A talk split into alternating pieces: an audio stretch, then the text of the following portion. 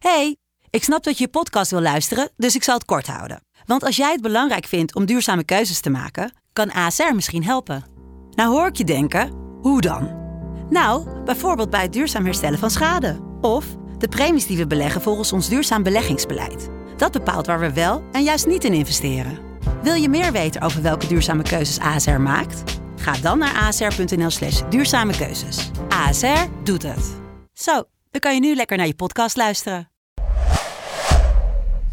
Blijf positief. Luister niet alleen podcast. Doe ook dingen in real life. Stop de cap. Kijk, dit is een algemene strategie. En je kan, iemand kan een boek lezen en, die zit in auto's en de andere zit in huizen en de andere zit, die helpt studenten. En het is een hele andere markt. Als jij de volgende keer DM stuurt. Ik weet niet wat ik moet doen. Dan krijg je de link van deze podcast. En zoek je me lekker zijn- uit. Nee. En alles, pap, pap, nee, nee, nee, nee, nee. Jawel. 997.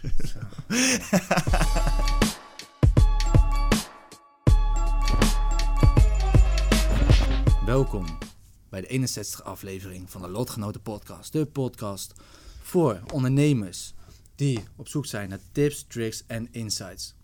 Tegenover mij zit jouw knoppert. Ondernemer, creative, creative marketeer en co-host van de Lotgenoten Podcast. Degene die nu tegen je praat ja. heet Koen Stam.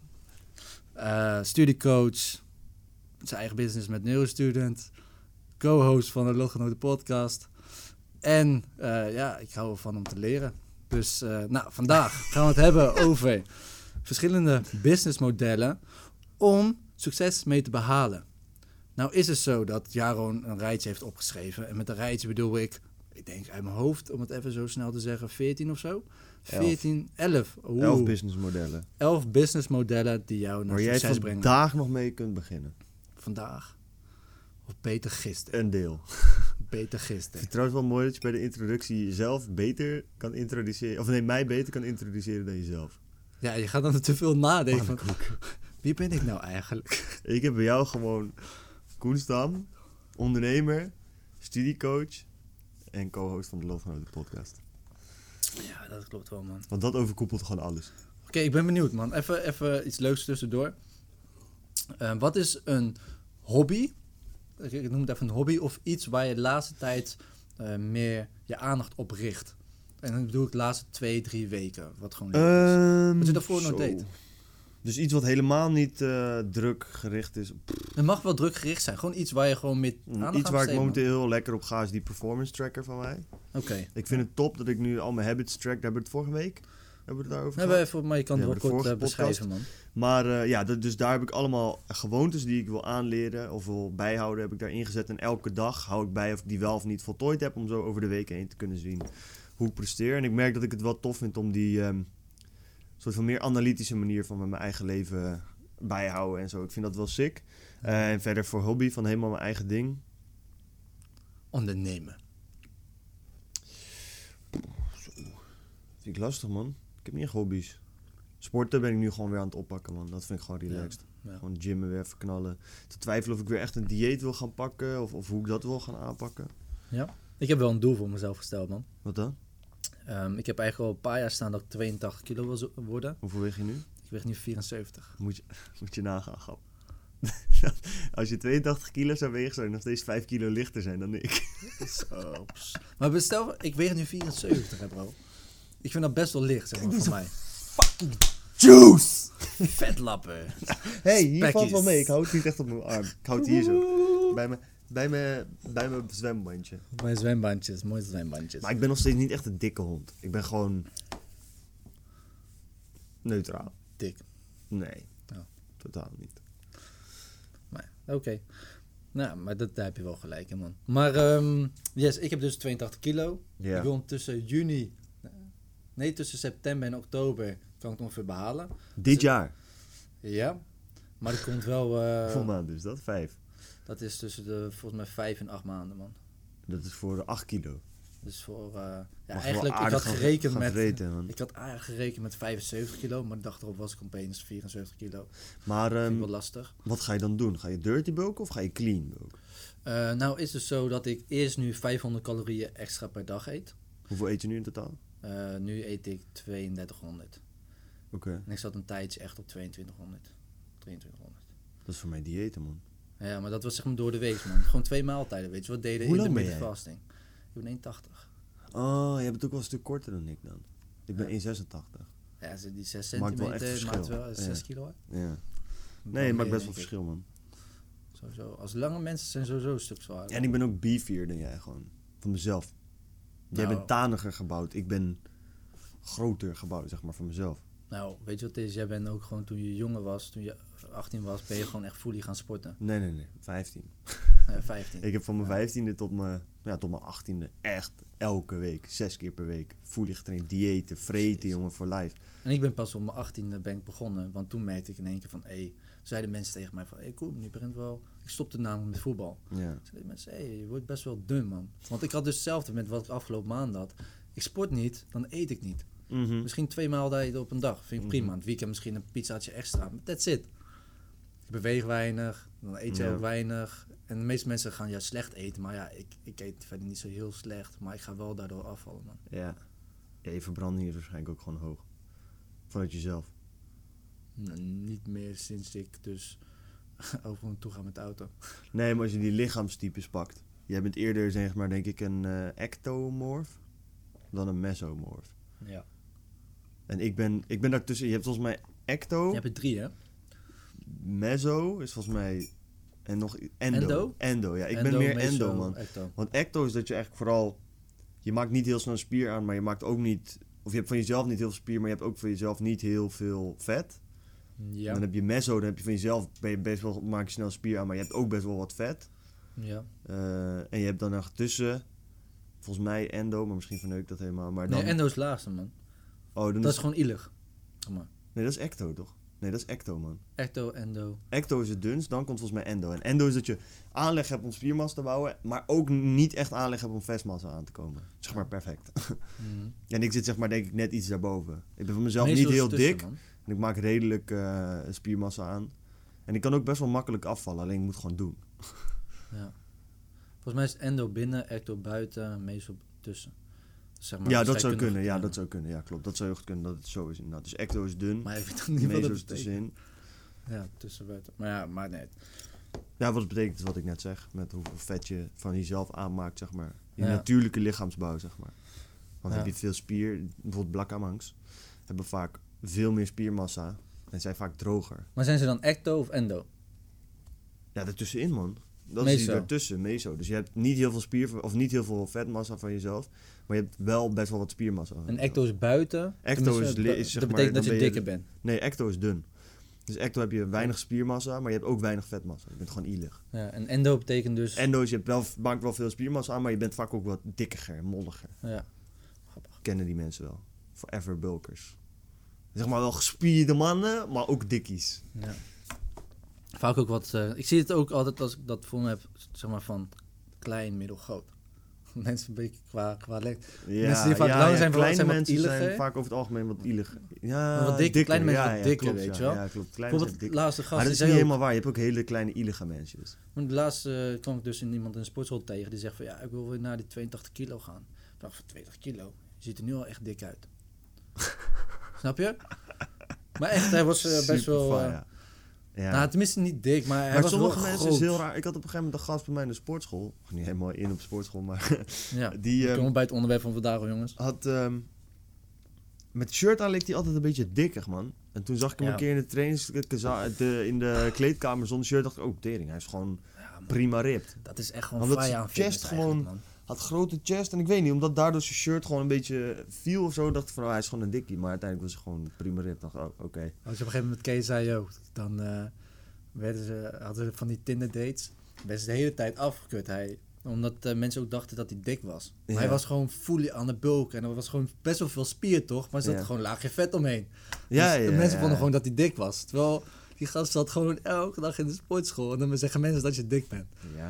Het is best wel... eh, ik vind het echt een eh bepaal... Fitness is best wel een eh, sport waarin het... eh, het wordt niet echt gewaardeerd, man. Of tenminste, hoe noem je dat? Ehm, je wordt er niet snel voor beloond. Van, je kan heel goed uitzien, maar als je kleding eroverheen draagt, zie je er al snel dik uit. Oh, maar natuurlijk, bodybuilden is gewoon altijd een van de twee dingen. Of je ziet er kast uit met kleding aan, of je ziet er kast uit met kleding uit. Want als je kast eruit ziet zonder kleding, ben je dus ripped. Als je dan een shirt uit doet, denkt iedereen, wow, god damn. Weet je toch, hij is ripped, je ziet alle definitie, dan lijk je wel breed. Ja. Maar als je shirt aan doet, lijk je gewoon average. Je? Ja. Je lijkt niet fucking juicy, want ja, je bent gewoon, ja, je hebt niet zoveel massa, want je bent gewoon lean. En het ergste is nog, als je dus een paar maanden weer stopt en het wordt minder. Dan zie je al heel snel van, ah, oké. Hij is dus minder aan het sporten. Hij heeft gesport, maar nu is het minder. Ja, daar ben ik het dus nooit zo mee eens, man. Ik had altijd wel eh, dat ik lang niet kon sporten en dat het altijd wel gewoon prima bleef. Maar jij bent 23, 24, 23. Ja. Ik heb mensen die zeg maar 35 zijn en die zijn gewoon op hun 28 gestopt met sporten. En Ja, oké. 35 en denk je, Ja, ja. dan heb je zeven jaar niet gesport. Ja, Ja, maar snap je het? Ja, oké, maar dan vind ik ook wel echt lang. Dan heb je niet, meer, dan heb je niet gesport, zeg maar. Nee, maar die hebben altijd fitnesslijf gedaan. En dan, nu zijn ze wat ouder, hebben kinderen, huisbomen, bezig, vrouwtje, veel werk, fulltime werk en zo. Andere verplichtingen. En dan is het gewoon, zie je het lichaam, denk je van ja, je ziet dat het ooit wat is geweest, maar nu is het niet zo. Dat zijn wel keuzes. Dus Ja, kan het man. alsnog gewoon doen. Maar je, Als Igor het kan. ja precies, maar je kijkt, ik, ik kijk er altijd een beetje op neer. Dus aan de ene kant is het logisch, want ik denk van ja, je bent gezond met sport. Maar aan de andere kant denk je ook van ja, die gasten zijn wel, zeg maar, vijf jaar lang elke dag in de sportschool geweest. Ja, ik en dat waardeer je gewoon- niet meer, omdat het er niet meer is. Je verschiet je kruid misschien gewoon een beetje. Ja. Maar ja, laten we doorgaan naar het onderwerp van de dag. Want anders zijn we straks eh, een kwartier helemaal een fitnesspodcast aan het houden. Precies, dus- zijn die oké. er eigenlijk, Nederlandse fitnesspodcasts? Denk het niet, hè? Er zijn echt nog veel onderwerpen voor Wow. podcasts die er bijna niet zijn, man. Viekman, oké, luister, ideetje voor de mensen. Begin een fitnesspodcast en nodig allemaal mensen uit die gewoon expert zijn in fitness. Ja, ik denk dat er niet zoveel fitnesspodcasts zijn. En ehm Nou, ik heb er nog nooit van wat had gehoord. ik er vandaag ook Wat wel ook nog interessant is, gedacht? Oh, boksen. Een podcast die ingaat op alle boxmatches en zo in het Nederlands. Is in Amerika echt groot, zijn er veel. In Nederland, nope. Ik heb ze niet gevonden in ieder geval. Misschien moet ik beter eh, zoeken. Misschien heb ik nog niet goed gekeken, I don't know. Zullen wij gewoon andere, anders gewoon meerdere podcasts beginnen? En Nee, gewoon op elk een, eh, onderwerp, Een man. podcastnetwerk, man. Dat lijkt me sick. Dat je gewoon podcasts tekent. Charlemagne the God heeft dat ook. Black Dus, Effect eh, podcast. En daar tekent hij gewoon allemaal podcasts, zeg maar. Tekenen bij hem en dan doet hij alle distribution en zo. Nou, op een gegeven moment als wij wat groter zijn... Lekker. Iemand zit te luisteren, krijgt het in zijn oor nu. Nee, dat die kant op. Nou, denk je dat hij die boer niet hoort? Langs de oor. Langs de oor. Maar kijk, het is wel zo, van als wij straks heel veel bereik hebben, kunnen we wel mensen helpen met de podcast en Ja, opbouwen. Man. Sowieso, nu ook al. Kunnen mensen lachend helpen met de podcast. Ja, tuurlijk. Maar... Weet je wat ik ook grappig vind? Eh er is zo'n podcast Broers van eh, Sam Hofman. Nee, Nou, wat broertje. Sam Hofman en Rijk Hofman. Die eh, broertjes van Tim Hofman, zeg maar. Heeft, heeft, heeft hij twee broertjes? Bro, hij heeft fucking Gisteren liet Ze ze zijn Rijk zes zien. of zo. Ja? Ja, ze hebben echt allemaal hetzelfde zusje. uit? Hebben ze allemaal zo'n oversized shirt en dan een goud kettingje? Ik weet niet. Ja, denk het wel. En dan een half baardje en dan half lang haar? Mm, ik weet ik niet. Ik heb ze Blank. niet allemaal gezien. Ik heb alleen gewoon gezien ooit dat er veel waren. Ja, blank wel, ja. Ehm, maar daar liet ze gewoon volle bak scheten in de microfoon. Zo. Nummer 1 podcast van Nederland. Hè. Ze stonden bovenaan op? Spotify. ja. Ja, hoe heet een podcast? Broers. Echt? Het is ook wel grappig. Ze hebben het over schandalige verhalen. Dat ze eh, geneukt hadden met allemaal mensen tegelijk. en Zo schandalige shit. Echt, het sloeg helemaal nergens op. Maar daar laat hij gewoon tussendoor scheten in de microfoon en zo. Ja, gek man. ja, kan echt niet. Ja, blijkbaar wel. Super fijn. Hij zit te chillen. Pff, denk je? Scheet in mijn oor. Als je het ziet, dan kan je het nog een beetje aanzien komen, toch? Ja, Maar als je zit iemand zo ineens opstaan en zijn koert er naartoe draaien. Bro, als je, maar als je luistert, is het alsof je zeg maar gewoon in zo'n video zit, toch? Dat je niet weet dat iemand wat bij je doet en dan in één keer een scheet in je gezicht laat. Ja, mensen zijn Ja, sowieso Ben je echt- eruit het niet. Als ik kijk naar de podcasts die lekker gaan, mensen zijn echt vies, man. Want ook, je hebt zo'n podcast Caller Daddy van twee chicks die alleen maar over seks praten en zo. Je hebt echt veel podcasts over seks, over allemaal Dat was een van de eerste accounts die jij ging volgen op TikTok bij ons, man. Ja, omdat zij een grote podcast waren, ook met eh, following op eh, TikTok, ja. Ja, Zij waren een van de weinigen. Dus ik dacht van, nou, laat me dat volgen, zodat ik weet van... eh maar schandalige podcast. Ja, het heeft gewoon tijd over seks. Alleen maar. Wel echt een formule voor succes. Twee lekkere wijven die alleen maar over seks hebben. Leuk voor mannen en voor vrouwen. Ja. ja, schandalig. Ik dacht echt, ja, kan eigenlijk echt niet. Nu zie ik ook van die slappe Nederlandse aftreksels daarvan. Dus ik denk, nee man, nee. Die doen maar. het dus wel, die doen het wel en dan vind je het weer niet goed. Zo'n jonge Ja, jaren. ik vind het gewoon, ik vind het niet origineel. Totaal niet. Nou, en als ze straks een bo- eh, bijvoorbeeld een box podcast beginnen, dan vind je dat dan ook niet meer origineel. Ik zeg niet dat, ja, bro, wat wij doen is misschien ook niet origineel. Je moet er scheid aan hebben. Ik zeg niet dat zij moeten stoppen omdat ik het gaar vind. Maar ik vind het wel gaar. Ik ga het nu wel zeggen. Ja, moeten ze zelf weten. Maar ik vind het wel gaar. Ik vind broers vind ik origineel. Nooit gezien. Twee broers die dan gewoon eh, levensverhalen een beetje tappen.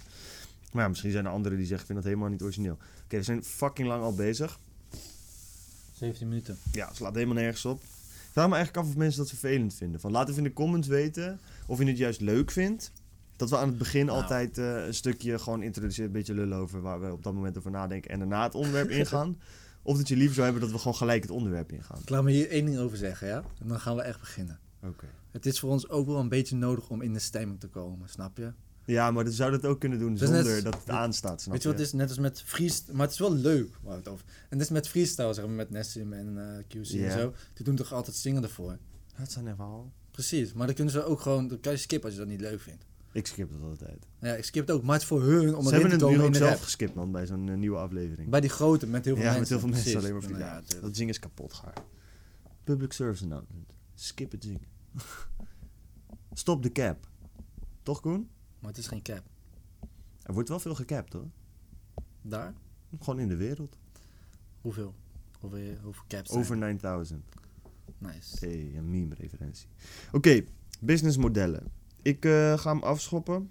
Beginnen gewoon met een van de meest bekende businessmodellen waar jij vandaag mee kan beginnen. En die ook eh, heel veel te zien is tegenwoordig op eh, alle platformen. Maar ook NOS moet er wat van vinden. RTL de Nieuws heeft het er wel eens over. Het, is overal te vinden.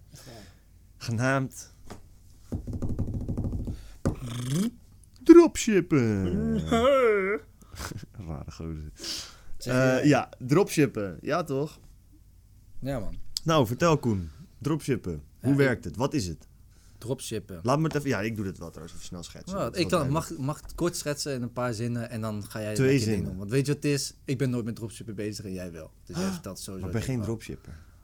Nou, dat maakt mij niet uit. Oké. Nee, cool. Ik heb me er wel prima mee bezig gehouden, ja. Maar ehm, dropshippen is eigenlijk het leveren van producten aan klanten zonder klantenservice on- en zonder zelf het product eigenlijk in eigendom te hebben. En laat dat gelijk verschepen vanuit een ver land met lange leeftijden Nee, nee, nee. naar Stop, stop, stop, stop, stop. Klopt niet, man, wat je nu zegt. Dropshippen gaat nog verder terug, man. In principe in de kern... Maar is dat wat ik nu zeg? Dat is niet fout. mm, Want nu zeg je het wel zo je van, dit Je, fout zegt het op de stigmatiserende manier die in nieuws continu wordt gemaakt. Maar dat is eigenlijk En helemaal niet wat je- dropship is. Dropship is heel eenvoudig. Jij opent een online winkel. Daar zet je product op. Dan is er ergens anders, kan in Nederland zijn, kan in China zijn, kan ergens in een ander land zijn, een leverancier met een product. Dan heb je een klant. Op het moment dat de klant bij jou iets koopt, pas op dat moment bestel jij het product bij de leverancier en verstuur jij het vanuit de leverancier direct naar de klant. Dat is wat dropship is. Ehm, en de vorm die dat veel aanneemt is met mensen die vanuit AliExpress producten op een Shopify website zetten en dat via Facebook advertenties aan mensen verkopen. Klantenservice heeft daar in principe niks mee te maken. Oké, dus de klantenservice en de lange leeftijden hoeven daar niet mee te maken Nee, te hebben. nee, je kan met de de- volgende werkdag leveren kan ook gewoon met dropshippen. Maar dat klopt het wel deels. Het klopt deels. Oké. Ja, nee, maar, Maar dat ze soms vervel- nee toch? Ja, maar van, het is, en denk ja, van, omdat hey, het- dat is het, het vervelende, nee. stigmatiserende beeld, dat zeg maar heel erg. Want, want dropshipping op zichzelf is een geniaal businessmodel. Alleen het heeft een hele slechte naam gekregen door ja, veel fuckheads die het gewoon aan het verknallen zijn. Ja, ja. Maar je hebt, je, ook, je hebt ook wel je mening over getoond in de podcast. Ik heb wel een mening over de mensen die dropshippen zoals jij het zegt. Ja, zonder klantenservice met meer dan 14 dagen levertijd. Waarvan Precies. als het product dat je binnenkrijgt letterlijk niet eens hetzelfde is als hetgeen dat op de afbeelding stond. Als je dat doet, ben je gewoon lul. Ja. Gewoon lul, simpelweg. En dan vind ik je ook geen ondernemer. Sterker nog, vind ik je... Heel veel dropshippen kan niet scammy. Dus ik zeg niet dat elke dropshipper een scammer is. Maar er zijn wel veel scammers die dropshippers zijn. Als je een scammer bent, dan is dropship een goed businessmodel. Maar het is dus heel mooi omdat je in kan stappen, omdat je niet de investeringskosten hebt voor voorraad. Bijvoorbeeld, pas op het moment dat iemand bij jou bestelt, hoef jij eh, te betalen aan de leverancier zodat hij het zeg maar verzendt. Dus dat Ja. is top. Ehm, ik zou het aanraden voor mensen die graag een online business willen starten. Ehm, het kan ook handig zijn als je locatie onafhankelijk wil werken. Daarvoor kan het ook wel nice zijn. Ehm, er is heel veel informatie over te vinden. Dat is op zich wel chill. Eh, zowel over vanuit Azië als eh, met leveranciers in bijvoorbeeld Nederland of Europa. En ja, meer heb ik eigenlijk niet over te zeggen. Heb jij er nog wat over te zeggen? Ehm, wat, hoe ik het een beetje zie, is dat het een businessmodel is dat kan leiden tot een complete ondernemerschap? Ja, het is een leuk eerste zeg maar, ding om te leren, zeg maar. Ja, het is een goede leer. eh. Ik vind het nog steeds zeg maar, interessant om gewoon een keer, kijk, als ik wat meer tijd heb, wanneer, eh, wanneer dat is, ik Ja. weet niet. Maar bijvoorbeeld, ik vind het leuk om te kijken, oké, bijvoorbeeld, Je hebt altijd meer tijd, je bent ondernemer, je kan zelf kiezen.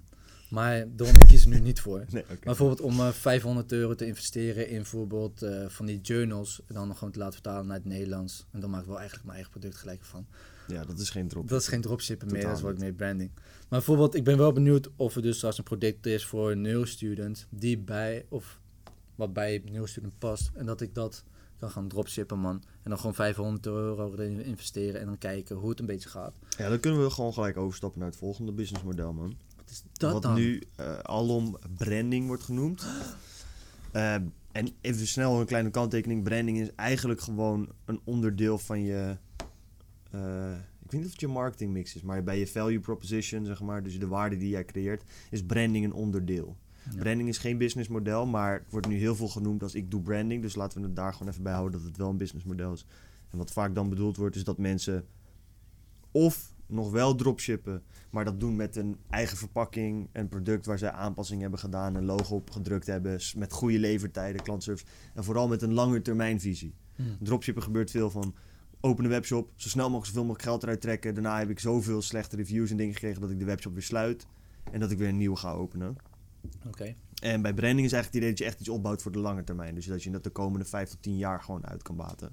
Ja.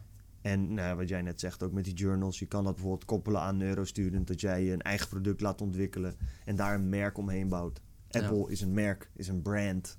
Doet aan branding. Mhm. Dat is onderdeel van wat zij doen.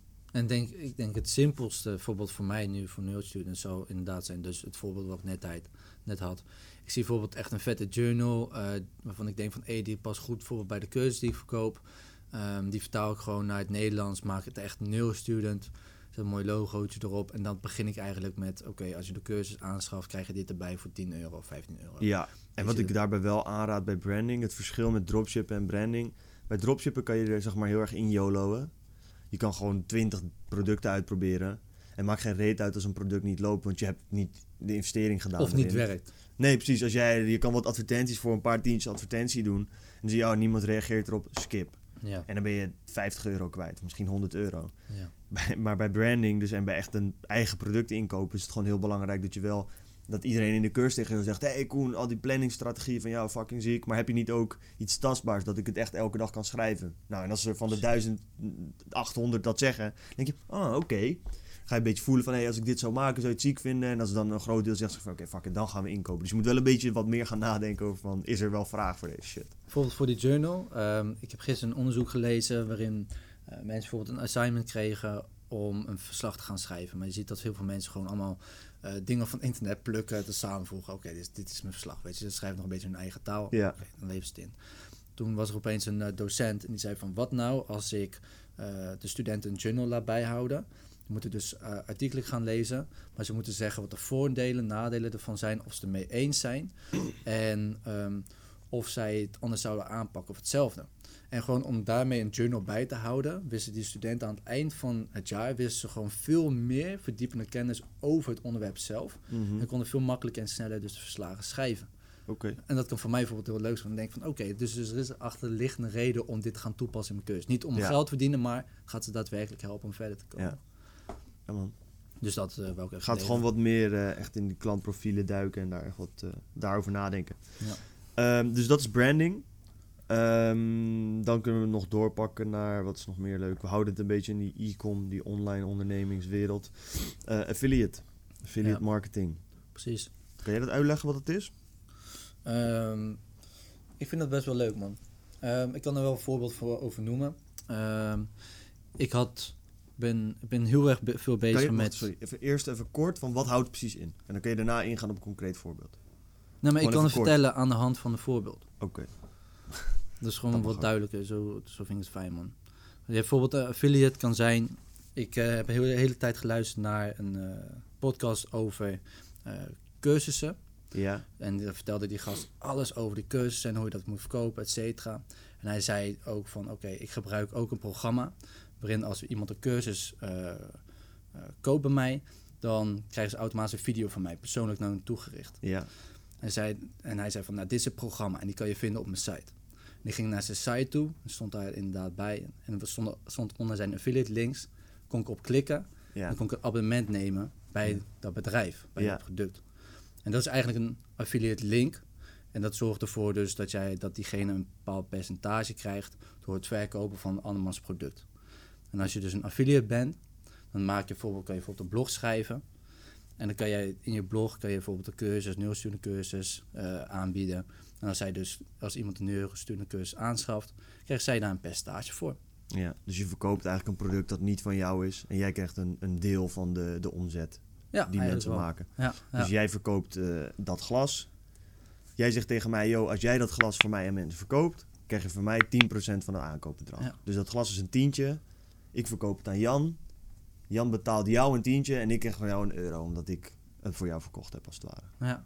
Ja, dat gebeurt veel. Dat gebeurt eh, eh, in e-learning superveel. Dus in het verkoop van online cursussen, online programma's gebeurt dat heel veel. Dat iemand zegt van hier is je affiliate link. Als iemand voor 1000 euro deze cursus koopt, krijg jij 10%. Nou heb je 100 euro. En dan heb je heel veel mensen die inderdaad van die blogs schrijven eh, over bijvoorbeeld reviews of video's maken van Ja, reviews over bepaalde cursussen. En daar onderaan een affiliate link hebben. Nou ja, als jij elke dag 10 mensen hebt die klikken en daardoor kopen. Ja, dan verdien je fucking veel geld. Helemaal als een cursus van 1000 euro is Ja, zo, verdien je fucking dan. veel geld. Dus Ja. er zijn mensen die daar echt heel veel geld mee verdienen. En het leuke is er wel. We hebben hier nog YouTube staan onderaan. Maar dat het voor bijvoorbeeld YouTubers ook heel interessant kan zijn. Want je Mhm. kan ook heel makkelijk affiliate worden bij bol.com, Amazon, dat soort bedrijven. Je kan gewoon een linkje aanmaken. En YouTubers zie ik bijvoorbeeld wel eens ehm, van alle spullen die in hun setup zitten. Dus mensen willen weten van, goh, welke camera gebruik je nou? Welke microfoon? eh, welke bureaustoel? Welke gaming PC? Ja. Weet je wel, bijvoorbeeld bij een gamer. En dan staat het gewoon allemaal eronder. En voor, als er 10 miljoen mensen naar elke video kijken van je Fortnite. En er is 2% die eh, daar klikt en een, een muis koopt en een desktop. En weet je, al die dingen. Er komt daar gewoon nog best wel veel geld naar binnen. Dat is gewoon een leuke manier om extra geld te kunnen verdienen. Zonder dat je al die moeite hebt van klantenservice, een product bedenken, bla bla bla bla. Ja, het mooie is dus eigenlijk dat je mensen helpt, Mhm, maar zelf niet de moeite hoeft te doen om het hele product te ontwikkelen. Klopt. Dus je helpt, aan, helpt bedrijven en de klanten samen. Ja, en voor het bedrijf is het ook top, want ze betalen jou pas op het moment dat zij ook daadwerkelijk een verkoop doen. Ja, Dus dat is echt een eh, interessant businessmodel. Iets wat wij ook een beetje toepassen in de podcast nu. Bob.com doet wel een beetje moeilijk. Het is dus een beetje vervelend, maar dat we eh, links hebben voor de boeken. Bijvoorbeeld als jij een boek koopt, dan verdienen wij, weet ik veel, echt een, een euro of zo. eh, Krijg je nog weet je, geen op rode dat boek. cent voor. Maar ja, Maar ja, stel je voor dat het op een gegeven moment gaat het uitgroeien, weet je. En als je, weet ik veel, als er 100 mensen per maand een boek kopen via ons, ja, heb je 100 euro extra cashflow en dan kan je weer, eh, weet je, kan je misschien over een maand eh, of, of zes, zeven kan je een nieuwe microfoon kopen, zo weet ik veel. precies een nieuwe, een nieuwe mic of je kan mensen... We blijven echt alleen maar met die nieuwe mic. Wanneer komt een nieuwe Wie gaat mic ons nou? supporten voor de nieuwe mic? Precies. Nou, je had bijvoorbeeld de IMU, hè? IMU had op een gegeven moment verkopen van een eh, boek, volgens mij, of van een cursus, hadden ze 100 affiliates uitgenodigd. Mhm. Van, hé, willen jullie wat schrijven? En hij zei ook van, ja, v- 25 tot 50 mensen zeiden ja. Nou, weet je, hij zei van, nou, daar hebben we best wel veel omzet op gemaakt. Ja, dat geloof ik man. Er zijn echt mensen die daar heel goed verdienen en ook bedrijven die daar heel lekker op gaan. Ja. Wat ook wel interessant is, we zijn nu momenteel in een gesprek met iemand. eh moet even kijken wanneer die eh, langskomt bij de podcast. Maar die doet dan Forex affiliation. Ik weet niet precies helemaal wat het inhoudt, maar dat houdt volgens mij in dat hij zeg maar mensen uitnodigt voor zo van die Forex trading platformen. Ja, En voor elke zeg bijvoorbeeld 1000 euro die iemand daarop stort, krijgt hij x bedrag. En als iemand het daarna weer doet, krijgt hij weer x bedrag. ja. En eraf haalt? Ja, nee, dat, dat is wel de bedoeling dat mensen blijven daar en ook blijven traden voor x tijd en zo. Dus mensen moeten wel echt gebruik gaan maken van de tradingplatform. Maar dat is volgens mij hoe hij dat doet. En hij verdient daar volgens mij ook wel echt lekker geld mee. Dat snap ik wel, man. Hij verdient er aardig goed mee. Dat weten we inmiddels wel. Ja, dus, dan, we dus dat is ook wel ziek om te zien. En die, eh, Die dus- komt binnenkort dus langs, man. Daar komt waarschijnlijk eh, komt hij binnenkort langs en dan eh, gaan we daar meer van weten. We hebben al een datum met hem gepland. Maar daar zijn dus... Oh, je hebt hem al gesproken. Ja, man. Echt? Ja. Had ik zijn nummer gestuurd? Ja. Van... eh, Nee, maar niet uit. Kom Van die jonge Dat eh, gasten. Ja, man. Echt? Ja. Hè? Oh, ik wist niet eens dat ik zijn nummer had gekregen, joh. Volgens mij wel. Of moet nu... Ik, ik nee, nee, wel, nee. Jij wel, bedoelt man. iemand anders. Jij bedoelt die mindset guy. Nee, die ook nee. fully in dropshippen zat. Nee, nee, nee. Oh. Niet die volgende week of de week erop komt, maar iemand... Nee, die bedoel ik niet. Volgende week komt Rowan. Ja, precies. Ja, nee, maar dat is John- anders. Die doet niet aan Nee, nee, dropshippen nee. en zo. Dat bedoel en ik niet. komt John. Precies. En dan hebben we nog eh Carola. Ja. En dan hebben we nog iemand. Ah, sick. Maar volgens mij is dat de jongen. Of het moet iemand anders zijn. Nee, nee, nee, dat is Roy. Roy. Ja, daar Roy heb ik het nummer van gestuurd. Ja. En Roy Lammers, dat, wat maar die, die heeft dropshippen veel gedaan. Maar die is nu momenteel bezig met een dienstverlening. Ik weet niet precies wat het is. VA-diensten volgens mij. Dus, dus eh, eh, VA's doet hij regelen. Wat is VA? Matching, eh, virtual assistants. Oh, dus zo. mensen uit Filipijnen en Ja, zo. ja. Daar is hij nu volgens mij vooral mee bezig. En hij is bezig met e-learning volgens mij ook. Netjes, man. Maar nee, dit is weer iemand anders, man. Ik dacht wel, ik had zijn nummer nog niet gestuurd. Je hoort het, veel mensen coming We up. zijn bezig, bezig. Als er iemand afzegt, slaan we ook voor lul. Oeps, het ging toch niet door. Ja, dat is nog nooit gebeurd eigenlijk, hè? Afkloppen. Maar Oké, we volgende. ja, we hebben nu gehad dropshippen, branding, affiliate, marketing. Let's go. Eh, laten we hem doorpakken naar aandelen en crypto, man. Kunnen we lekker kort houden, wij weten er niet zoveel van. we zitten er wel in. Ja, ik zit een beetje in crypto. Maar we doen het niet dagelijks. Het is gewoon meer iets voor de lange termijn. Eh, het is beter dan... Of wacht, oké.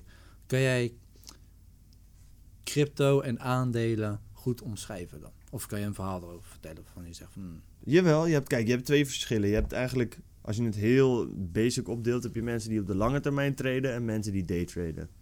Eh en hier staat trouwens aandelen in crypto, maar daar kan ook nog Forex bij. Forex, dat heb je vast wel eens horen vallen, dat woord, dat staat voor Foreign Exchange. Dus buitenlandse valuta's. En wat je dan doet, is bijvoorbeeld dollars kopen. En als een dollar dan meer waard wordt, verkoop je ze weer. Dus dan heb je dat verschil heb je verdiend aan geld. Daar verdienen mensen ook geld mee. Maar dat kan je dus op daytrading doen. Wat betekent dat jij vandaag gaat kijken naar een aandeel in de hoop dat die, weet ik veel, zoveel cent meer wordt. Weet je wel. Dan ga je hem aan het eind van de dag weer verkopen. Dan ben je echt op de dagelijkse basis bezig met snelle handel van de kleine marges, daar geld op verdienen. Dat kan, dat is echt een dagelijkse bezigheid. Je hebt ook lange termijn trading wat meer. Eh, en het, het kan, je kan het allebei tegelijk doen. Maar dan stop je het bijvoorbeeld in Coca-Cola en dan zeg je van ik geloof gewoon dat dit bedrijf over 30 jaar gaat groeien. Ik stop er een ton in en ik laat het daar staan. En vaak zie je dat mensen een beetje een balans tussen die twee dingen hebben. Oké, ja, ja, ja. En dat is, ja, dat is traden. Je koopt. En wat is dan een aandeel? Ja, als je dat nog niet weet, maar dat is gewoon ehm, eigenlijk een klein stukje bezit van een bedrijf. Dus, dus jij koopt voor, weet ik, voor een paar honderd euro een aandeel bij Apple. En dan ben je voor een heel klein deel aandeelhouder. Dus jij bezit een klein stukje Apple. En als Apple het dan goed doet, komt goed in het nieuws, ze maken veel winst. Wordt Apple meer waard? Want er zijn meer mensen die zeggen van... hé, hey, ik wil eigenlijk wel onderdeeltje van Apple zijn. Wil ik wel een stukje van hebben. Nou, dan wordt jouw aandeel meer waard. En dan kun je zeggen van... nou, dan verkoop ik het weer en dan heb ik wat geld verdiend. Precies. Hetzelfde Aan- voor crypto's en zo. Als je zegt bijvoorbeeld, ik wil ermee starten, maar ik weet niet echt hoe. Ehm, wij gebruiken nu bijvoorbeeld voor crypto's gebruiken we een app zoals Lightbit. Kan ook Binance, kan je Binance, gebruiken. Ja. Je hebt voor, ehm, Robinhood heb je. Daar kan je heel veel op verhandelen. voor normale aan- aandelen. Ja, voor aandelen. Robinhood. En welke heb je nog meer? Je hebt nog die Eh, andere, Bun- de Giro. De Giro, ja. En ehm, het mooie is dus, oké, bijvoorbeeld, oké, je wilt daar bijvoorbeeld iets in leggen en je zegt van, nou, ik weet niet echt hoe ik het aanpak.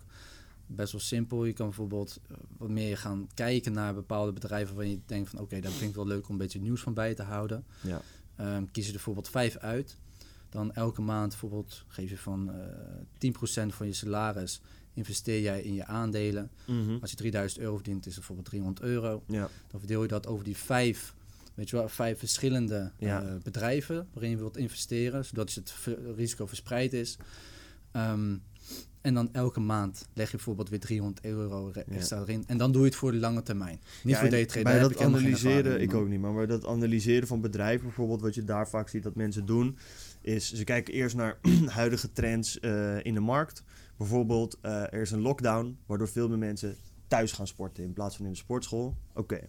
Ehm, dan zie je dat er een bedrijf is dat eh toetreden, gaat treden op de markt, of dat nog een klein bedrijf is in de markt, dat van die online video's maakt voor thuistrainingen. Oké, dan zou dat wel eens kunnen zijn dat mensen daar interesse in gaan hebben. Oftewel, die gaan het beter doen, dus het aandeel zal gaan stijgen over de komende tijd. Dan kun je vervolgens gaan kijken naar het managementteam. Wie is de CEO? Welke bedrijf heeft hij eerder gewerkt? Ik ken bijvoorbeeld het verhaal van iemand die had eerst bij Spotify gewerkt en bij TikTok en geholpen om die naar de grotere markt te brengen. Oké, interessant. Dus dit kleine bedrijf heeft iemand die expert is in het groot brengen van de bedrijven. Dan kijk je nog naar andere bedrijven in dezelfde sector die gelijksoortige dingen doen. Hoeveel zijn die waard? Hoe zijn die projecties van die groei? En al die dingen gooi je op een stapel en dan zeg je van... nee, als ik hier naar kijk, denk ik dat dit bedrijf momenteel ondergewaardeerd is. Daar ga ik geld in stoppen in de verwachting dat het over de komende tijd meer waard wordt. Precies.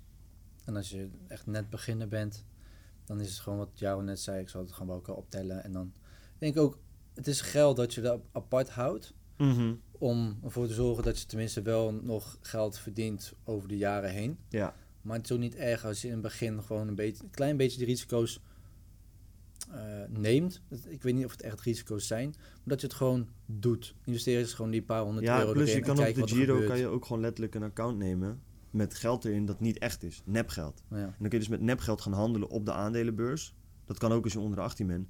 Dan kan je gewoon letterlijk je senses al trainen. Ja. Want dan kan je gewoon zien, oké, ik zou dit hierin stoppen. Ah, het is inderdaad gestegen of dit. Dus dan kan je je gevoel al heel erg trainen, zonder dat het echt geld is. Ja, wel het jammer is dus van, dat zegt ze wel vaak van, als, je- dan heb je bijvoorbeeld het effect van compounding effect. Als je dus vroeg begint, dan heb je over langere termijn steeds meer effecten van. Ja, maar je kan dat een halfjaartje doen, gewoon om het gevoel te krijgen. En dan kan je beginnen. Ik bedoel, een halfjaartje gaat niet zoveel verschil maken. Uiteindelijk kan het over 30, 40 jaar, het eerste half jaar kan, eh, of een jaar kan heel veel schelen, man. Ja, maar ja, dat is het, het kan ook dat je in je eerste jaar niet genoeg weet en al je geld verneukt. Ja. Ik denk dat het een prima optie is om gewoon eh, eerst even een beetje te testen en daarna... Nou, daar ben jij het niet mee eens, maar Nee. dat mag. Ja. Ik denk dat dat zeker je onder de 18 bent prima verstandig is om te doen. Ja, als je het, maar kijk, je kan het toch ook nog gewoon met geld doen waarvan je zegt van, het hoeft ook niet veel te zijn. Waarvan je zegt van, oké, dat kan ik aan de kant leggen. Jawel, dat kan je, ja, dat kan je ook doen. Dat kan je ook doen. Ehm, next one. Welke is het? Eh, ja, ik wil eigenlijk nog wel meer online blijven. Dus we kunnen nog e-learning even pakken. Yes. Daar mag jij over vertellen, meneer e-learning. Eh, nee, E-learning, hebben we het dan echt altijd over cursussen? Of kan het ook iets Nou, het is het zijn? aanleren van dingen online. Het is online. Online dus vaak is dat wel in de vorm van cursussen inderdaad. Maar je kan ook gewoon coaching calls hebben met mensen. Maar vaak is het de vorm van inderdaad online cursus, online eh, Ja, dingen precies. leren. En dat kan alles zijn van, van leren timmeren, eh, leren naaien, Breien. breien, gitaar spelen, eh, dropshippen, eh, hoe je rijk wordt. Daar zie je natuurlijk veel langskomen. Hoe, word jij ook, hoe kun je ook Lambo's rijden, dit, dat. Nou, je hebt bijvoorbeeld dus, ehm, je hebt school. En sommige mensen willen niet per se op school leren. En vroeger leerden ze dus altijd uit boeken. Of dan gingen ze een workshop doen in het weekend. Mhm. En sinds we het internet hebben, tien jaar geleden, eh, is echt e-learning wat meer opgekomen. Internet is wel ouder dan tien jaar. Maar. Ja, maar e-learning zelf. Oh, zo. E-learning is eigenlijk, dat is, het is nu nog niet eens geaccepteerd. Dat e-learning echt een ding is. Ja, bij die, dat maar bij wie niet? Dat eh, bij het grote publiek. Het is zeg maar, het wordt, laat, laat ik zo zeggen, e-learning wordt echt groot. Wordt Ja. echt groot. Maar Zoals- het is al groot onder mensen van onze leeftijd, denk ik hoor. Ja, maar het gaat nog eh, uit de hand lopen. Echt uit de hand lopen. Geloof ik echt goud in. Maar dat is dus... ehm, ik kan een voorbeeld geven over Neurostudent. Wat we nu doen is, we zagen dat heel veel studenten problemen hebben met leren. Die halen de cijfers niet die ze moeten halen, stoppen daarom met studeren. Nou, dat Ja. is best wel een probleem, want ja, je, je investeert je tijd, geld, moeite erin. Een paar duizend euro verneukt. Precies. En, eh, Want dat geleende geld moet je ooit terugbetalen. Mensen denken dat dat niet zo is, maar dat is toch echt wel zo. Ja, nou, je zelfvertrouwen gaat ook eraan, want daar zit je weer met je Albert Heijn eh, baantje. Ja, je motivatie, Is ook gone. je passie, alles is fucked up. Precies. Leven is gewoon fucked up. Koen gaat je helpen om het leven niet meer fucked up te hebben, bro. Yeah. Het mooie is dus dat ehm, het vaak niet aan de student ligt, maar eh, school verwacht gewoon dat jij op een bepaald leerniveau zit, Mhm. of schrijfniveau of denkniveau, Ja. wat ons helemaal niet wordt geleerd. Je gaat gewoon van de middelbare naar hogeschool en verwachten in één keer dat jij binnen acht weken van je zomervakantie, waarin je drie weken naar Lorette gaat, eh, Als je slimmer drie gaat weken worden. naar Joret gaat, ben je echt een soldaat. dat is echt, dan ben je niet goed bij je pa, zei hoor. Zo, drie weken. Eén weekje is echt de max, man. Drie Ja. weken Joret, dan... eh, Wij waren twee weken gegaan van mij aan. lijkt Toen was ik wel mijn keel kwijt. Ik Maar, kon niet meer vinden. deze prachtige pitch. Het komt erop uit dat eh, scholen vaak denken van... oké, hey, je gaat eh, waarschijnlijk... ehm, je moet in één keer beter kunnen studeren. Gebeurt vaak niet, waardoor de studenten dus stoppen. Wij zien dit probleem, denken van... oké, als wij hun dus de skills leren die ze niet op school leren... Mhm. vangen wij dat gat op. Ja, En dan kunnen we dus ons product kunnen we aanbieden aan studenten zelf... eh, maar ook aan de scholen. Dus B2C of B2B. We hebben nu gekozen om het voornamelijk aan studenten te doen. Ondertussen zijn we ook weer stiekem bezig met B2B. Ehm, maar het mooie is dus dat je online trainingen geeft. ja, het is eigenlijk best wel simpel, man. Ik kan er ook niet Je zoveel over uitleggen, lijpe man. omweg. Ja, Online trainingen dus. Dat zijn gewoon online trainingen, ja. En eh, ja, het hoeft ook niet altijd betaald te zijn. Ik denk dat je op, eh, op YouTube staan heel veel eh, ook leuke e-learning dingen. Gewoon dat je zeg maar echt kan leren. Je kan leren dropshippen, je kan leren wat de fuck jij wil. Je kan heel veel leren. Maar wat interessant is als je wil beginnen met de e-learning, is eigenlijk dat je dus, dus vindt iets waar jij een passie voor hebt en waar je bijvoorbeeld veel kennis in hebt. Misschien, eh, ik zie dat iemand die wij eh, op, eh, op eh, de Lotgenoot podcast volgen op Instagram, die is best wel goed in, eh, hoe noem je dat, voetbaltrikken, trick, voetbal. voetbaltrucjes. Ja, voetbaltrucjes, dat vond ik wel afgezaagd klinken, maar eh, Voetbaltricks. die panna knockout shit, zeg maar. Die Mm. lijpe, s- snelle shit. Maar dat zou je bijvoorbeeld kunnen leren. Oké, hoe leer je hoog houden? Hoe leer je om eh rondje om de wereld te doen? Hoe leer je de AK-3000? Ja, precies. Lijpe trikken, de AK-3000. Dat, dat, dat. Mhm. Nee, nee. Maar, ik heb zieke triggers. Maar, ehm, dat is weer verloren. ik ga een stuk om de naam AK-3000. AK zo, AK-3000, ba, ba, ba. Lijpe trick. Dat is een lijpe trick. Als je die kon vroeger, was je echt een zieke soldaat. Maar, Jij kon die, hè? nee, ben je gek. Nee, oh. Ik wil nauwelijks de gewone AK. Maar, punt is dat je ook dat zou kunnen gieten in de vorm van een e-learning cursus waar je mensen online helpt om dat te doen. Eh, dat zou ook kunnen als je bijvoorbeeld heel goed bent in koffie zetten. Je weet heel veel van koffie, barista cursus online. Je kan al die dingen, als jij iets hebt waar je veel passie voor hebt en dat je graag aan mensen wilt leren, Ja. kun je dat ook gewoon doen. Een aantal stappen om daarmee te beginnen. Oh jee. Ehm de stap die ik heb overgeslagen, maar wat wel handig kan zijn om mee te beginnen, is vaak denken mensen: oké, ik vind het leuk om te doen, maar ik weet niet echt of ik er nog een expert in ben. Ja, En vaak zie- gaan mensen je als een expert zien op het moment dat je andere experts gaat interviewen. En dat is best wel leuk om te zien. Dus op het moment dat jij zegt bijvoorbeeld ik ga 50 interviews houden met andere mensen die eh, bijvoorbeeld supergoed zijn eh, in voetbal, waar we het net over hadden. mhm. Je gaat gewoon allemaal pro's langs die goede trucjes kunnen. En Ja. Touzani en alles. En ehm, je gaat met hun ook veel trucjes leren. En over tijd leer je zelf ook. Bijvoorbeeld na die 50 interviews kan je zeggen... bijvoorbeeld ik weet nu goed genoeg. Ik weet nu goed genoeg. En ik heb eh, het bereik. En mensen zien mij nu als een pro. En nu gaat de cursus beginnen. Mag ik daar even op inbreken? Voor iedereen die dit luistert, weet je, beginnende ondernemers, mensen die nog best wel jong zijn. Vraag ik me af, hè, van, is, dat, is dat nou dan echt de meest toegankelijke manier om dat te gaan doen? 50 profs gaan interviewen. Nee, het is, waarom, het is niet zo moeilijk hè.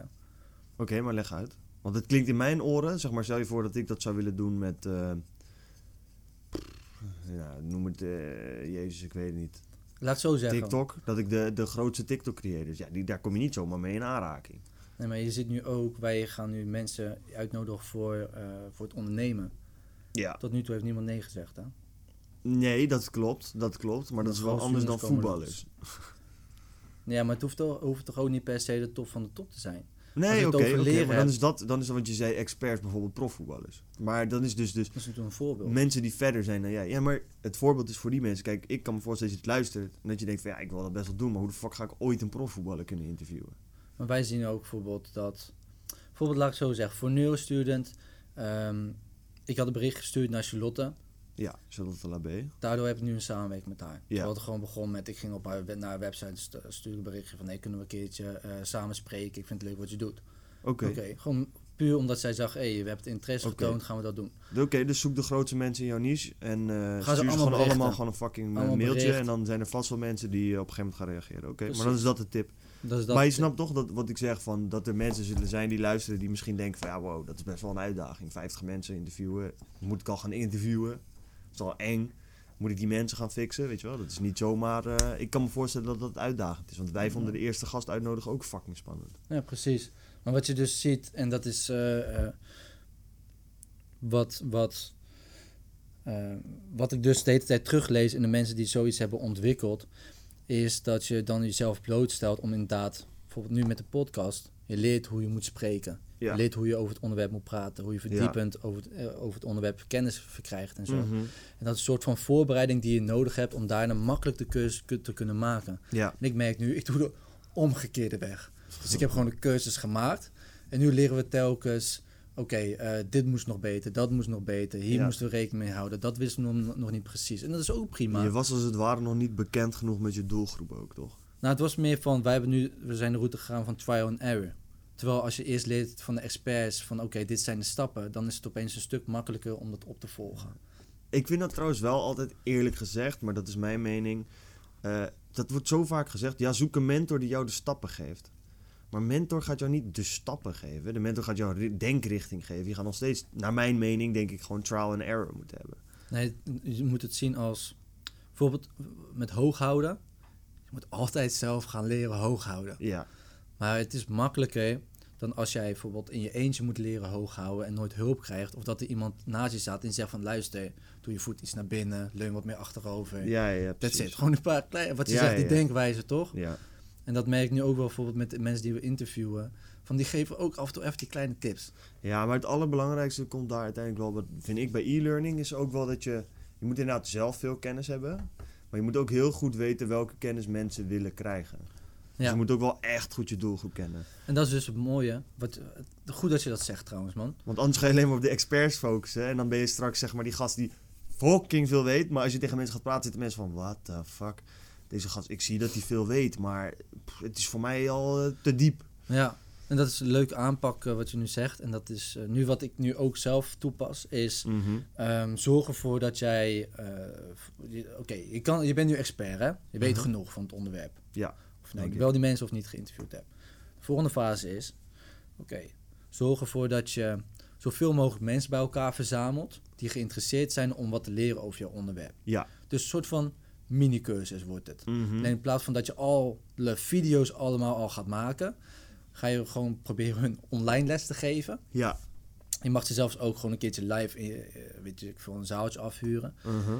En dan ga je van tevoren aan hun vragen, oké, wat zijn je twee topvragen? Ja, ja, en dan geven ze hun topvragen. Dan ga je op een rij zetten. Het belangrijkste ga je beantwoorden in een uur of anderhalf uur die je hebt. Zijn ze klaar? Oké, ga je dat weer doen. En Dus je ga je wordt vier expert. of vijf keer doen. En dan heb je zeg maar de belangrijkste vragen die zij hebben over jouw Ja. onderwerp ga je beantwoorden. Dus je wordt expert, dus je hebt veel kennis. Daarna kijk je van, oké, ik heb nu al deze kennis. Wat zijn nou exact de vragen die jij hebt? Want daar Ja. heb ik antwoord op, maar ik weet niet precies waar ik antwoord op moet geven. Ja. Die krijg ik de doelgroep. Ga je voor de camera zitten, maak je de video's, gooi je online, ga je naar je bankrekening, ga je geld tellen. Ik hoop het. Oké, ehm, zullen we er gewoon nog eh, twee doen of zo? Anders wordt het lang, denk ik. Ja man, we hebben nu eh dropship gehad, branding, affiliate marketing, aandelen, crypto, e-learning. Ik wil YouTube wil ik nog wel even pakken, daar heb ik nog wel een interessant voor. Heb jij nog eentje concreet waarvan je denkt die is hard? Eh, ik vind, je hebt bloggen ertussen staan, maar dat vind ik een beetje... Ik, ik denk dat bloggen steeds minder waardevol wordt. Durf niet eruit op te roepen. Nee, ik denk dat het afhangt waar je je op richt. Maar ik snap wat je bedoelt. Ja, toch? Alles wordt visueler gewoon mee. man. Ja, maar het li- het ligt, ligt er wel aan ook welke doelgroep je aanspreekt. Want er zijn nog steeds heel erg lezende doelgroepen ook wel. Ja, Ik denk dat reseller misschien leuk is voor jou om in te gaan. voor mij. Zo Of vind stom? Zo staan. Maar in ieder geval YouTube wil ik even... Want wat, iets wat we ook nog kunnen doen, volgend businessmodel is dan YouTube. YouTube is niet echt een businessmodel, het is gewoon een bedrijf. Maar wat je kan doen, wat ik de laatste tijd heel veel langs zie komen, is eh, YouTube automation. Kijk, je weet, iedereen weet wel dat er YouTubers die heel groot zijn, verdienen veel geld door branddeals, affiliate marketing, eh, Google eh, eh, partnership, zeg maar, die, die je betaalt voor je views op YouTube. Nee, dat doet het wel goed. Oké, nou, je moet niet geschrokken kijken naar de opnameapparatuur. Nee, nee, ik zag hem te bewegen, toch? Ja, Soms betekent dat dat een storing erin zit, maar het was gewoon je stem. Zo ben ik. Maar de, ehm, je hebt dus niet iets nieuws, YouTube Automation. En wat je dan eigenlijk gaat doen, is je gaat van die standaard video's maken die iedereen wel eens heeft gezien. Top 10 beste films van Tom Hanks. Eh, vijf grootste voetbalbloopers. Eh, dat soort video's ken je wel, toch? Ja, die heb je wel lang zien komen. Bro, dat waren, vroeger waren dat al blogs en, en video's en nu worden TikToks van gemaakt. Nee, nee, nee, maar het punt is dat, dat zeg maar nu bij YouTube heb je dus YouTube Automation. En mensen doen dus een YouTube kanaal beginnen waar geen gezicht bij te zien is. Die huren een inspreker in, huren iemand die video's edit. En die maken gewoon wekelijks of dagelijks dat soort video's. Die knallen ze eruit. En dat soort video's kan je vervolgens ehm, views op gaan halen, zeg maar, op een strategische manier. En dan kan je gewoon 20.000 euro per maand mee verdienen. En dat noemen ze YouTube Automation. Vind ik fucking interessant. Ja. En je hebt eh, in Nederland iemand eh, die daar ook aan doet. Als ze langskomt bij de podcast, eh, mag ze daar meer over vertellen. Ik ga geen gratis promo geven. nee. Maar je moet YouTube Automation moet je maar eens opzoeken. Dus eigenlijk YouTube automatisering, maar dan in het Engels. YouTube Maar Automation. geef haar naam man. Wie is dat? Ik weet haar nou niet precies. Volg haar op Instagram.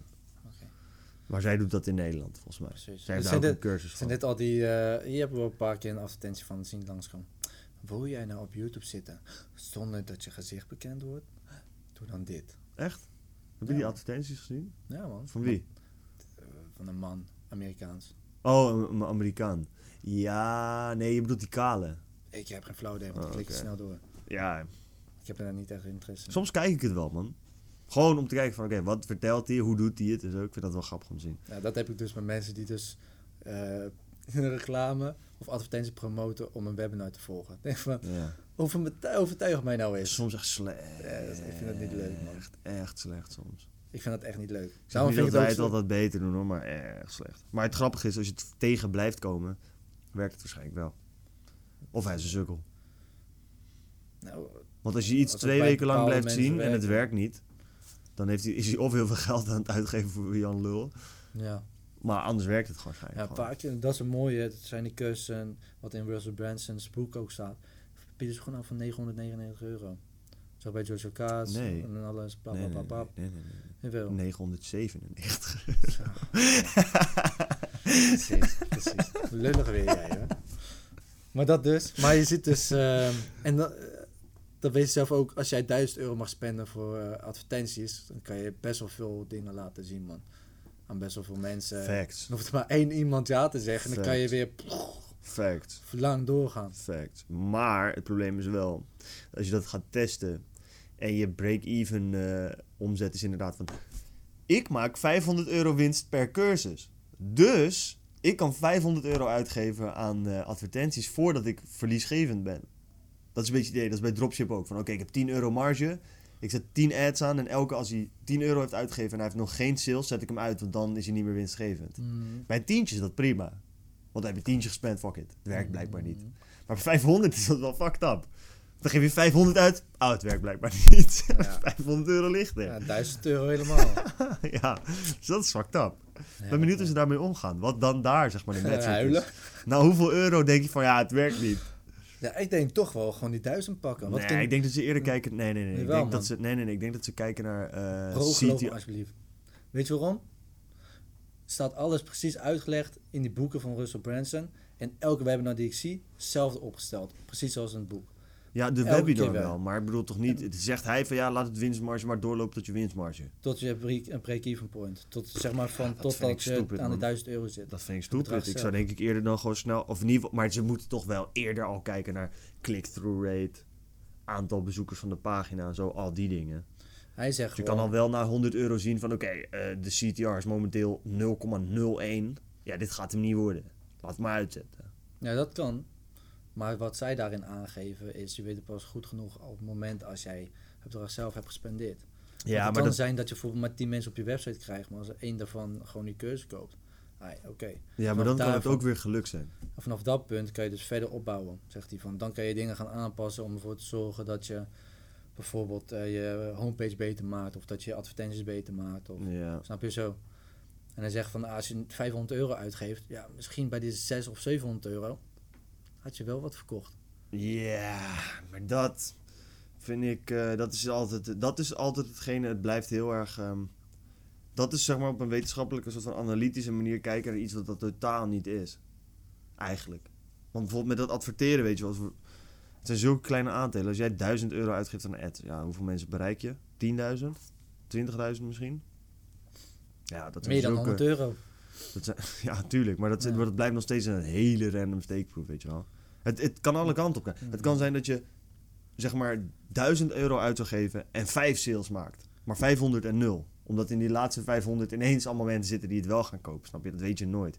Je moet gewoon met jezelf afspraken maken. En ik zou in ieder geval als beginnend ondernemer niet op 500 euro zitten. Dat is veel. Nee, maar bijvoorbeeld met die e-learning ad is het wel zo dat, en dat... Hij zegt ook niet per se eh, dat je 1000 euro moet uitgeven. Mhm. Hij zegt, eh, je kan het ook gewoon eh beginnen bijvoorbeeld met de kleine bedragen.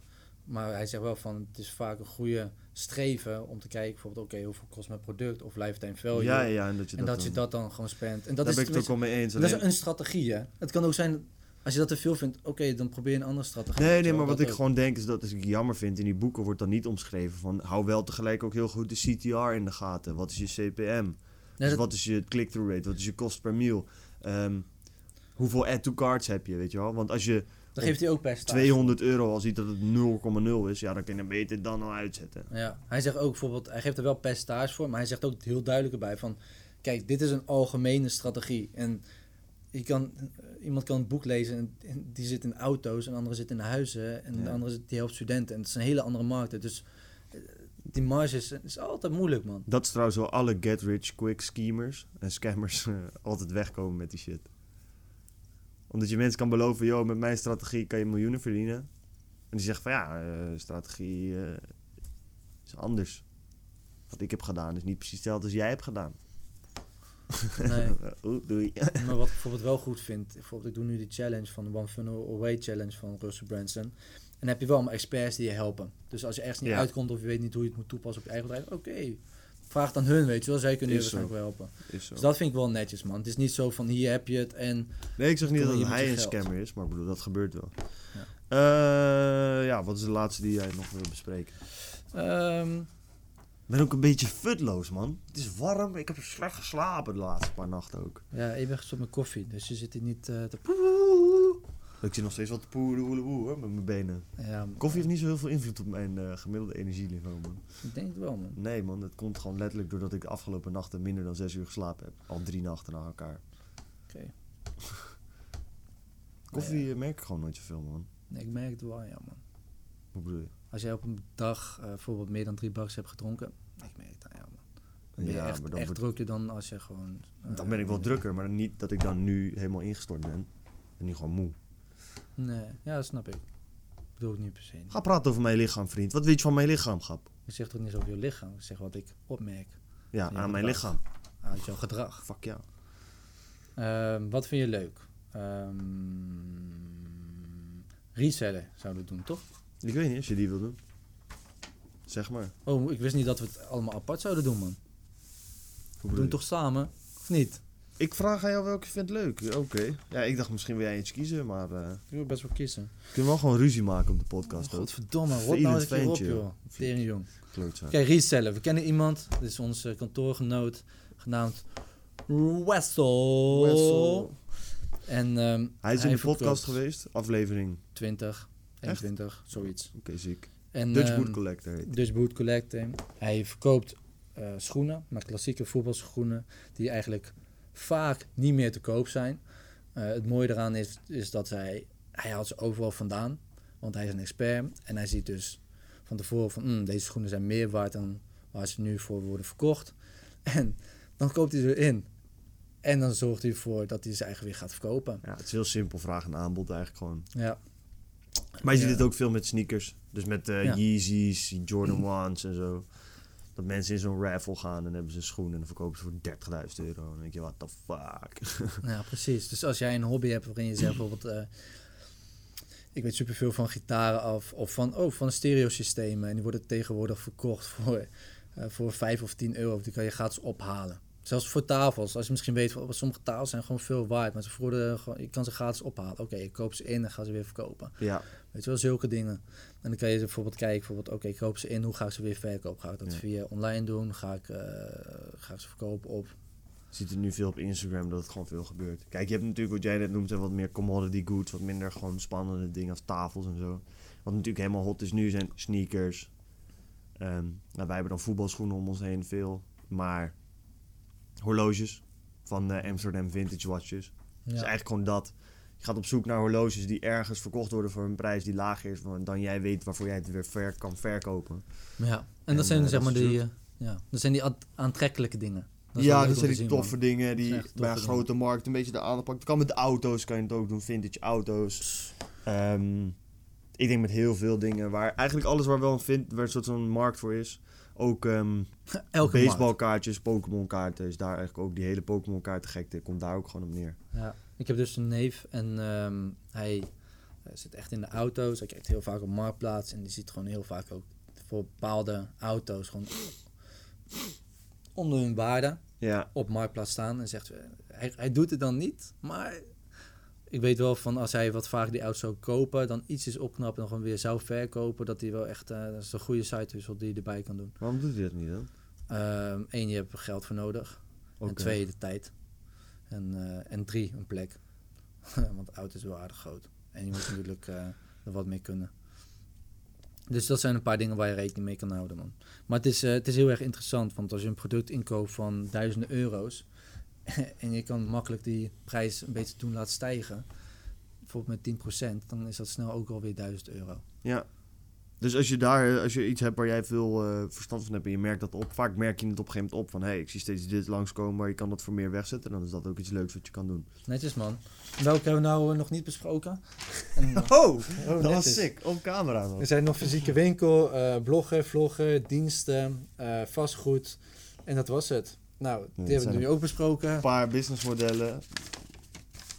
Dus wij hebben net verschillende businessmodellen waar jij mee kan beginnen als je een jonge ondernemer bent. Je kan gaan dropshippen, je kan een brand beginnen, je kan affiliate marketing doen, je kan in aandelen of crypto gaan handelen, je kan een e-learning cursus beginnen, je kan een fysieke winkel starten, je kan sneakers of andere dingen gaan resellen, je kan op YouTube beginnen. Al die dingen kan jij gewoon gaan doen. We hebben net een beetje voor je uitgelegd. Nu heb je een breed idee van allerlei verschillende dingen. Dus als jij de volgende keer DM stuurt. Ik weet niet wat ik moet doen. Dan krijg je de link van deze podcast. En zoek je me lekker zijn- uit. Dan kijk je maar lekker wat je doet. Ben je lotgenoot niet? Oh, dat ben ik wel. Damn. Nee, geintje. Eh, Dragen de dus, verantwoordelijkheid. eh, ja, jij hebt nu wat verschillende leuke verdienmodellen en businessmodellen gehoord. Ik Dus- heb zin om af te sluiten, want ik ben een beetje moe in mijn hoofd. Ze hebben geen excuus meer om te zeggen bijvoorbeeld, ik weet niet wat ik moet doen. Nee, Je hebt nu elf dingen waarvan we gewoon er dingen proberen. besproken. het is niet zo dat een businessmodel op je lichaam geschreven staat. Je kan het ook ja, in dat halfjaartje doen of doe het een jaartje. Exact. Geef gewoon investeer 100 euro of 500 euro. En als je dat te veel vindt, doe je niks. En dan ga je gewoon e-learning beginnen. Kan ook gratis. Ja, zijn gratis eh. Je kan ook niks doen. Dat kan ook. En luisteren. Gewoon, Gewoon alleen luisteren. maar dit soort podcasts luisteren wanneer mensen jou... En dan de hele tijd tegen mensen zeggen... Ja, ik ga echt beginnen met een onderneming, man. Ja, ik vind ondernemen echt ziek. In je bio zit je dan ondernemen met dan, dan zo daarnaast zo'n lading... eh, zo'n zandlopertje, zo van loading. En dan doe je dat gewoon een paar jaar. Dan ben je gewoon die guy die altijd zegt dat hij dingen gaat doen, maar het nooit echt doet. Dat kan ook. Dan ben je altijd loaded. Zolang je gewoon dit luistert, ons likes geeft en het deelt in je story, vind ik het allemaal prima. Maar als je wil dat je dromen waarheid worden, ga er dan lekker wat mee doen. Dankjewel voor het luisteren. Koen, heb jij nog wat te vertellen? Eh, blijf positief, jongens. Blijf positief. Luister niet alleen podcast. Doe ook dingen in real life. Stop de cap. Dankjewel voor het kijken en of luisteren. En dan zeggen we altijd nog één ding en dat is... Dikke vinger goeroes. Fuck goeroes. Want wij zijn de enige echte lotgenoten. Fuck goeroes. Wij zijn lotgenoten. Tot volgende week. Ciao. Tjallas. de bal.